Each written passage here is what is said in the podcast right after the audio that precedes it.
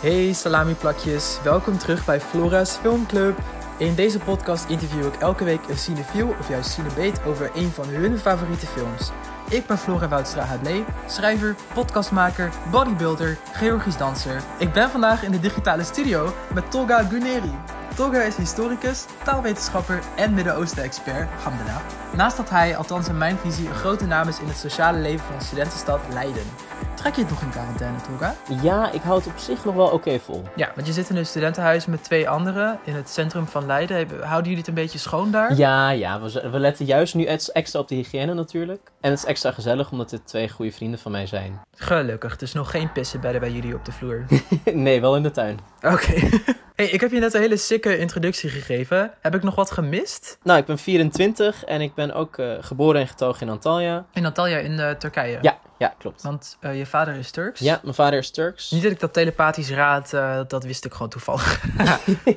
Nee, mijn vader is Turks en mijn moeder is Nederlandse. En mijn moeder is ongeveer, ik denk nu 30 jaar geleden daarheen vuist. Dus ik ben in Turkije geboren en opgegroeid. Uit. En nou, een van de buurlanden van Turkije is Georgië. En nou weet ik uit betrouwbare bron, jou, dat je ook een film mee hebt genomen uit Georgië. Ja, klopt inderdaad. De film die ik heb meegenomen is And Then We Danced. Het is een ehm, Georgische liefdesdrama eigenlijk over ehm, twee jongens die op elkaar verliefd worden. En dat is natuurlijk een ontzettend taboe onderwerp nog in ehm, Georgië. De regisseur is eh, Levan Akin, een Georgisch-Zweedse eh, regisseur. Ook een biculturele achtergrond, not unlike yourself. Precies. Hij is dan zelf opgegroeid in Zweden, maar heeft een Georgische achtergrond. En je zei net, eh, het is een film over een romance tussen twee jongens. En dat is best wel een taboe in Georgië. Ja, maar ehm, ja, vertel daar eens wat meer over. Want ik denk dat heel veel mensen niet echt een idee hebben over hoe het in Georgië is of hoe het daaraan toe gaat. En hoe het daar met eh, homorechten staat.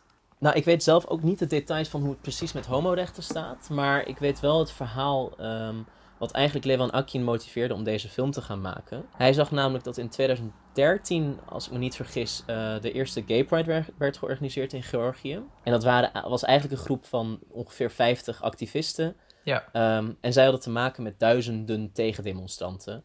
Dus dat geeft wel een beetje een beeld van ehm, ja, hoe er gekeken wordt naar eh, andere geaardheden dan heteroseksualiteit. En is dat dan uit een eh, religieuze overtuiging dat mensen daar heel erg tegen zijn? De kerk speelt hier volgens mij wel een grote rol in. Maar het Ja. zal ook een culturele achtergrond hebben. Ja, en wanneer heb je deze film gezien?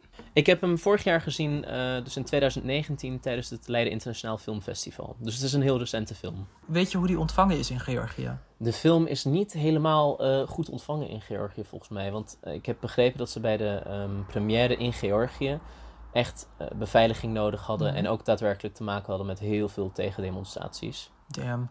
Pff, Het is niet best. Nee, nee. Kun je me vertellen wat het verhaal van de film is? Eh, een beetje een korte samenvatting van wat er, waar de film over draait. Eh, ja, is goed. We volgen eigenlijk ehm Merab, een jonge danser, die, het, eh, die eigenlijk graag wil doorbreken in de danswereld, in de Georgische danswereld. Ja. En op nationaal niveau wil gaan dansen.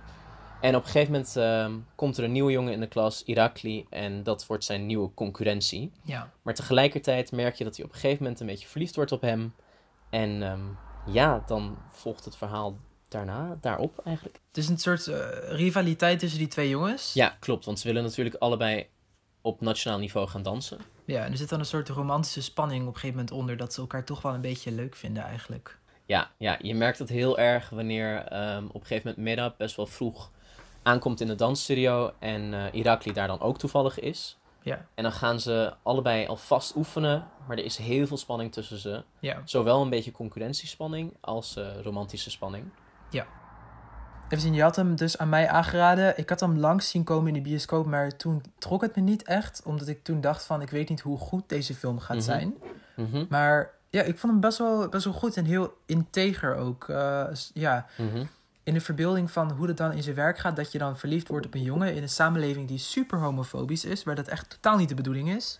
En hoe je dat dan moet navigeren. Klopt inderdaad. Er is ook één eh, verhaal gaande over een jongen die inderdaad seks had met eh, een andere jongen. En dat hij helemaal verstoten is door de maatschappij en naar een of ander klooster is gestuurd boven een berg. Ja, Ehm, dus het is al vanaf het begin heel duidelijk van joh, dit wordt niet geaccepteerd. En je wordt een beetje naar de marges van de, de samenleving geduwd. ja. Terwijl als ik dan kijk naar die, die dansers aan het begin van de film al, denk ik van, ja, je, je gooit een groep mannen in een soort oefenruimte waar ze dan bezweet met elkaar duetten moeten dansen. Ja, eh nee, dat is, dat is heel flauw, sorry. Je kan prima een danser zijn zonder gay te zijn. Maar ehm who hasn't had gay thoughts, weet je wel? Nee, maar goed. Ja, maar dat is ook wel het ding in ehm, Georgië. Want op een gegeven moment las ik dus ook een interview met, eh, met de regisseur. Mhm. En hij legt dus uit dat tegenwoordig eh, dansen in Georgië wordt als echt iets heel mannelijks gezien. Want je moet echt je lichaam soort van tot, tot de natuurlijke grenzen pushen om, ehm, om die dansen goed uit te kunnen voeren. Ja. Maar heel veel dansen, en dat wordt ook gezegd in de film, zijn vermannelijkt. Ja, want dat, Dus hij Ja. geeft het voorbeeld van de Kinturi. En dat is op een gegeven moment de, het duet tussen Merab en Irakli. Ja.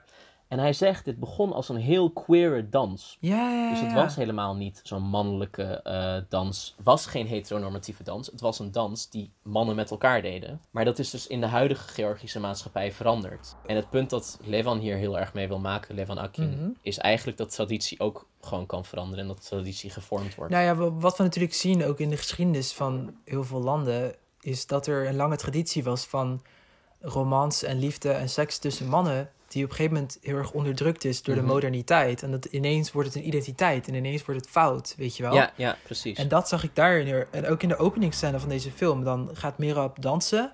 En dan staat die instructeur met die, die grote mannelijke instructeur Ja. staat daar van... Nee, je, doet te, je bent te flexibel, je beweegt te veel. Je moet het eh, vierkanter doen. Je moet het, ehm, hij mag niet zo, zo vlierterig bewegen, weet je wel? Ja, klopt. Mag ik een spoiler geven? Ik denk het wel. Wat voor spoiler? Nou, in de laatste dansscène zie je dus eigenlijk heel erg dat Merab al die ehm, normen onderuit haalt. ja, Door Georgische dans op een heel eh, ja, andere manier uit te voeren. ja. eh, juist zijn eigen inbreng hier aan toe te voegen. En dan zie je eigenlijk, nou, traditie en ehm, ja, intolerantie voor, voor, voor andere geaardheden hoeven niet per se samen te gaan. ja, precies. Dat is een heel belangrijk punt ook om te maken. Dus dat het Georgisch zijn betekent niet dat je per se homofoob of per se mannelijk moet zijn. Hij voert een Georgische dans uit op zijn manier. En wat ik ook meteen dan denk is van eh, mannen die sensueel zijn of ehm, erotisch zijn, wil niet meteen zeggen dat ze daarmee gay zijn. Of, Nee, nee, nee, absoluut niet. Ja. En niet dat gay zijn iets slecht is maar, is, maar meer zo van alles wordt nu aan elkaar gelijkgesteld. En dat maakt dat heteroseksualiteit dan heel erg afgebakend is van je bent alleen hetero als je je precies Ja, ja, zo ja. gedraagt. Het weet wordt echt een eh, bijzondere identiteit. Het, het is echt een wereldwijd fenomeen natuurlijk. Ik het, je zei tegen mij voordat we gingen opnemen van het is niet de allerbeste film op aarde, maar hij blijft je heel erg bij, omdat de thema's heel erg in je hoofd blijven hangen. En ik had precies dat. Ja. Want ik Ja. dacht tijdens het kijken van de film, ja, er zitten wel wat Ja, eh, ja, beginnersfouten in en wat amateurische dingen. Bijvoorbeeld het script het loopt niet altijd helemaal lekker. Maar de thema's zijn heel, heel diep. Dus als het Ja. gaat om zeg maar masculiniteit en traditie en jezelf willen zijn en zo. Want die Merab, die is toch al ja, ergens in de twintig. En aan het begin van de film weet hij volgens mij totaal niet dat hij gay is. mhm. Of dat hij op mannen valt. Of dat misschien is hij wel bi, weten wij veel. Maar ja. op een gegeven moment dan raakt hij verliefd op die Irakli, op die andere danser. En dan lijkt hij het soort van zonder meer te accepteren van... Goh, ik word blij van deze persoon. En wat vond je daarvan? Vond je dat realistisch of... Nou, ik denk dat het heel realistisch kan zijn in een maatschappij waarbij eigenlijk ehm, homoseksualiteit of biseksualiteit als categorieën bijna niet eens bestaan. Ja.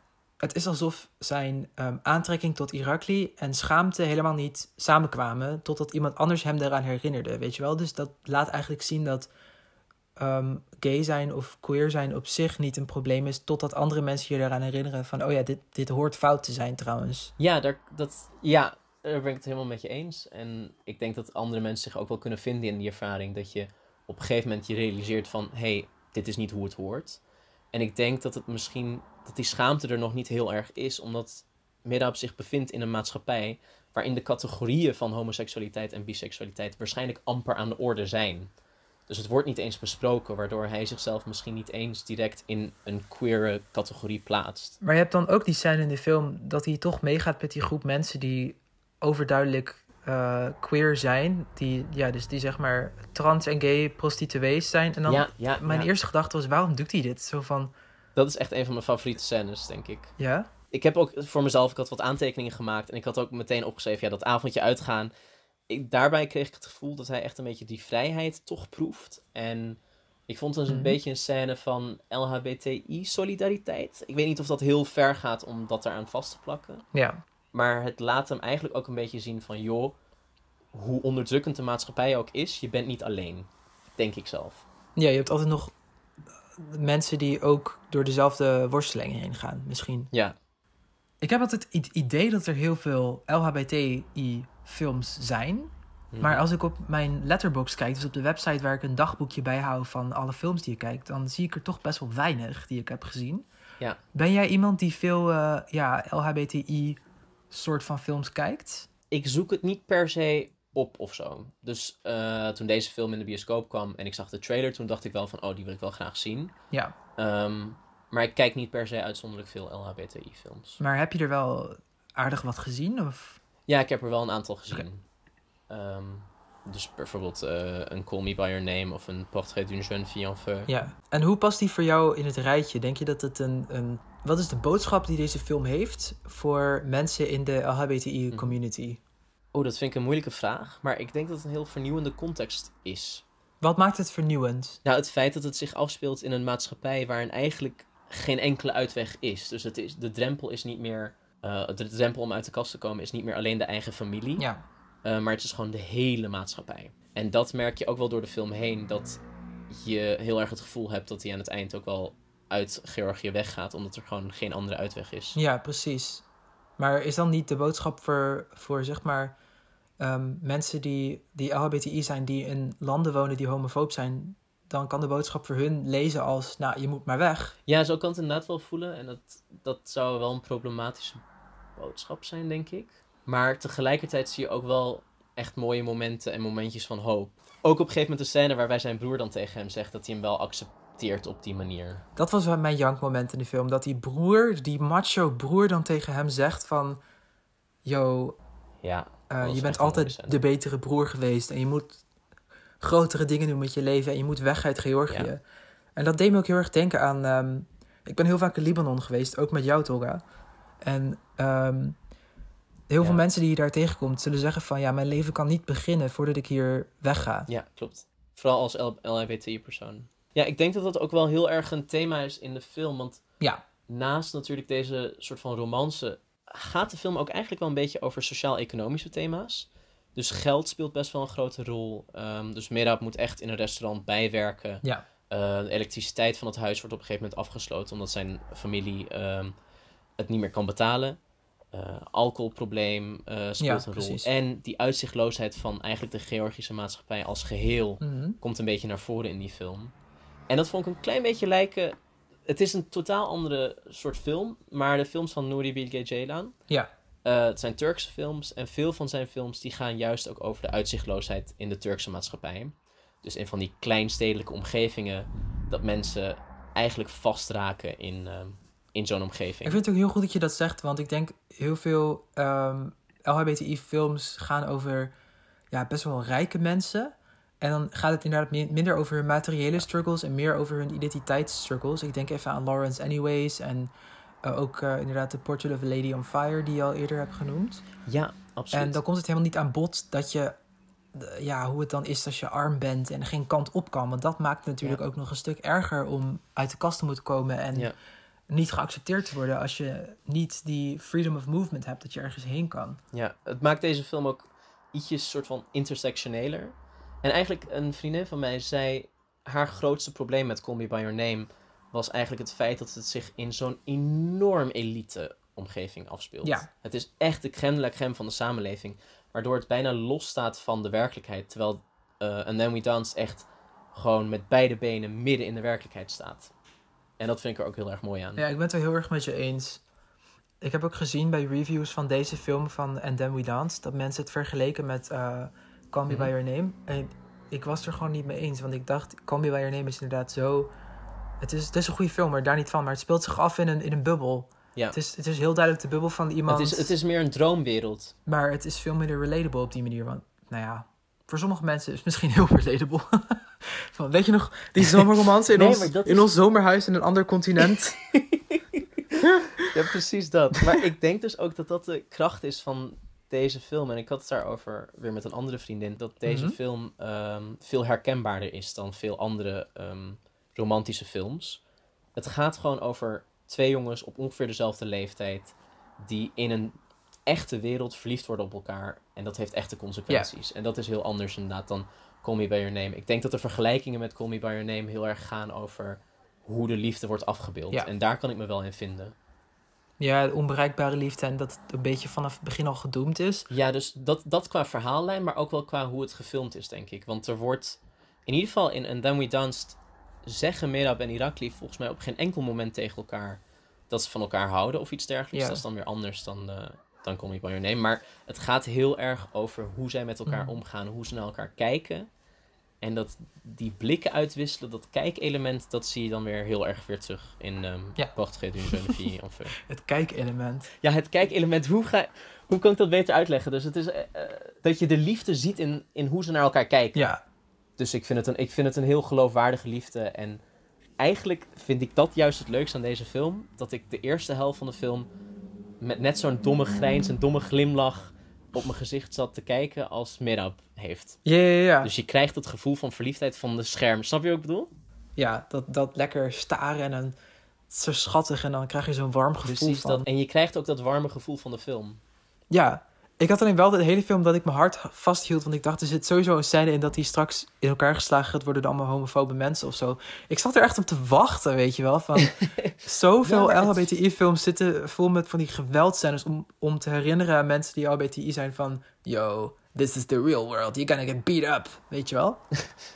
Ja, en eigenlijk vond ik het in deze film op een vrij smaakvolle manier gedaan. Dus de Ja. gay bashing was niet heel heftig. Ik vond het niet zwaar om naar te kijken. En dat vond ik eigenlijk heel mooi passen in de film. Ik vond het ook op zich wel realistisch.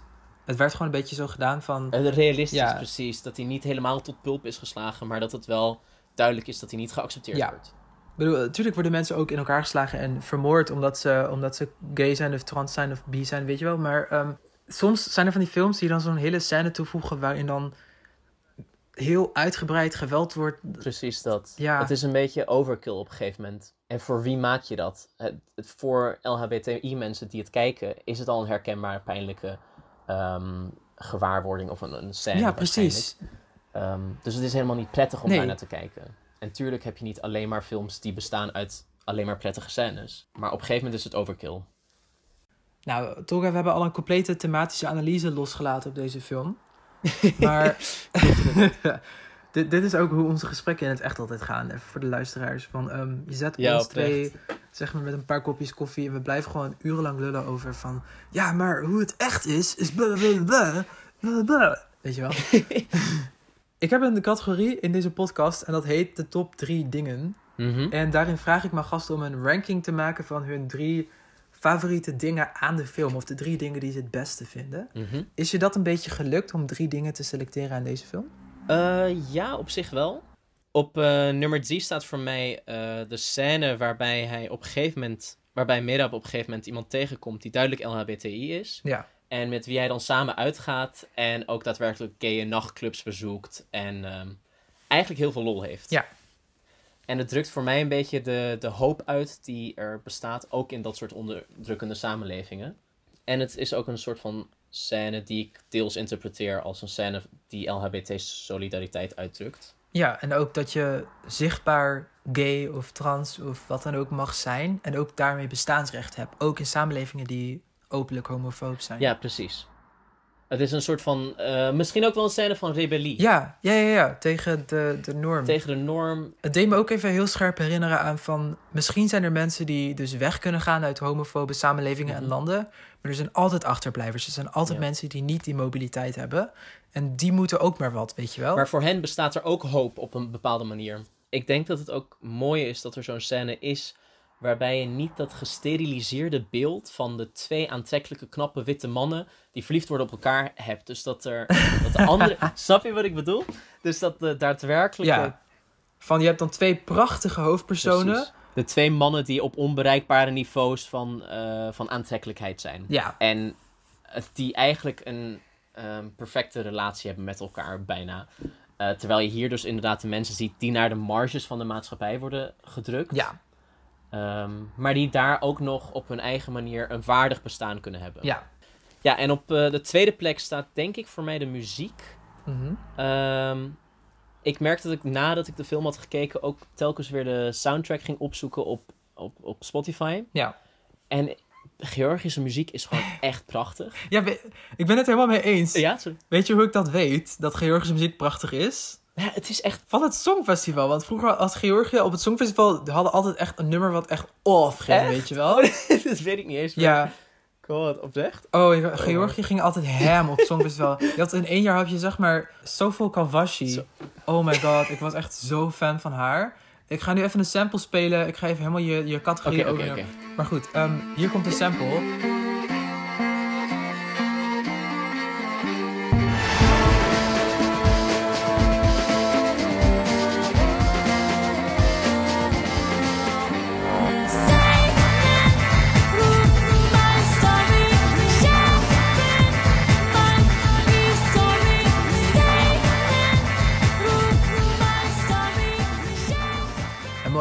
Ja, ja, ja, echt mooi. En het ding is, je hebt dus een traditie van Georgisch polyfonisch zingen. Dus mensen gaan dus spontaan Ja. opeens op verschillende toonhoogtes samen een prachtig lied zingen. En dat zie je ook in een paar andere Georgische films volgens mij. Ik wou dat we dat in Nederland ook deden. Lijkt me chill. Ja, dat is, echt- ik vind het een heel mooie traditie. En het past ook mooi bij die dansen die echt heel eh, ontwikkeld zijn, zou ik zeggen. Ontwikkeld, ja, verfijnd. Verfijnd is het juiste woord. Dus Verfijn, ja. Ja, en op nummer 1 staat gewoon absoluut het gevoel dat de film mij geeft. En Oh. ik denk dat dat een samenspeling is van hoe het, fil- hoe het gefilmd is, het verhaal eh, en de muziek natuurlijk. Maar ook de beelden, hoe de acteurs met elkaar omgaan. Dus dan Mirab en Irakli, hoe ze naar elkaar kijken. Maar het is echt het gevoel dat, het, dat, dat de film je meegeeft, dat staat voor mij daadwerkelijk op nummer 1. Ja. Dus het feit dat ik tijdens de eerste helft van de film mezelf half verliefd voelde worden, dat is. eh, ja, ik vind het echt iets bijzonders als een film dat kan doen. Ja.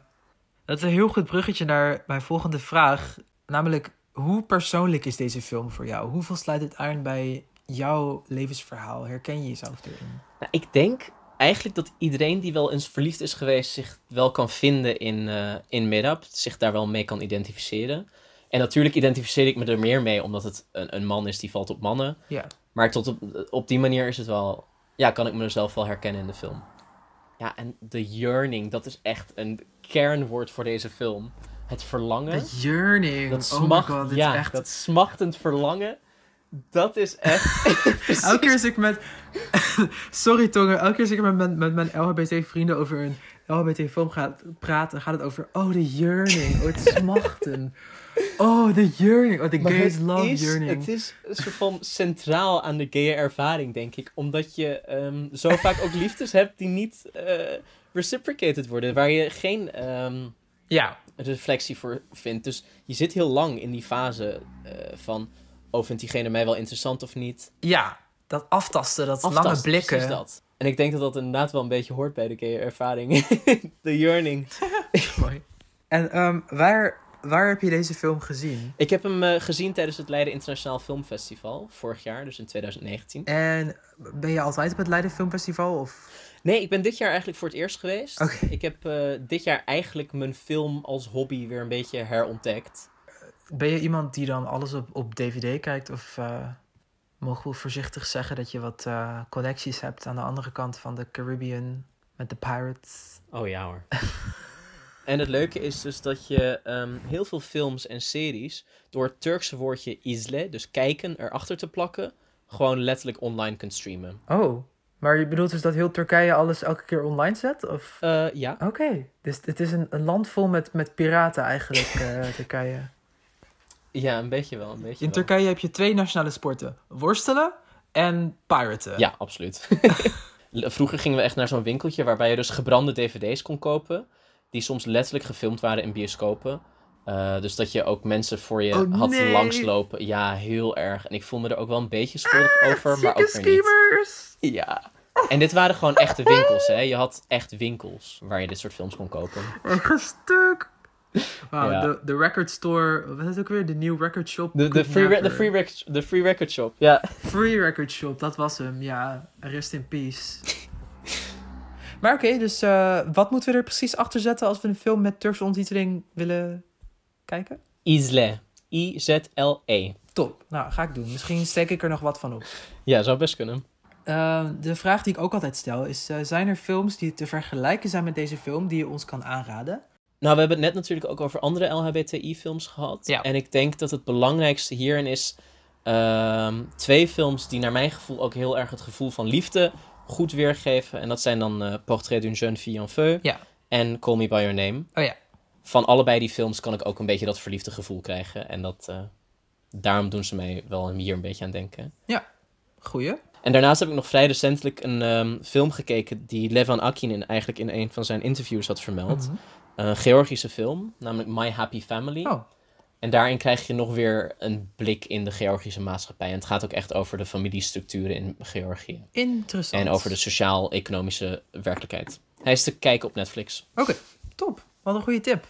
Um, ik heb zelf ook nog twee films voorbereid die ik wel vond lijken op deze film. De eerste film waar And Then We Danced me aan deed denken was uh, Moonlight van Barry Jenkins. Oh ja. Uh, Ja. De Oscar-winner van 2016 voor Best Picture. Het is een coming-of-age story van een zwart jongetje in Florida die uh, opgroeit en ja, hij is gay. En dat weet iedereen behalve hij zelf. En daar wordt heel erg mee gepest.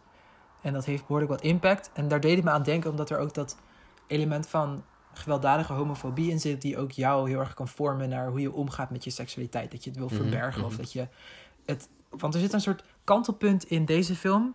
waarin je merkt dat uh, Merab op een gegeven moment zijn eigen seksuali- seksualiteit gaat zien als een soort bedreiging van oh, dit is, dit is slecht, dit kan mij in de problemen helpen. Mhm.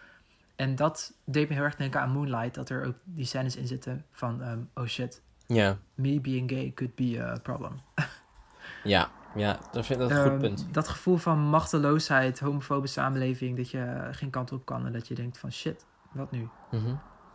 De tweede film die ik wil aanraden is uh, een Nederlandse film. Oh.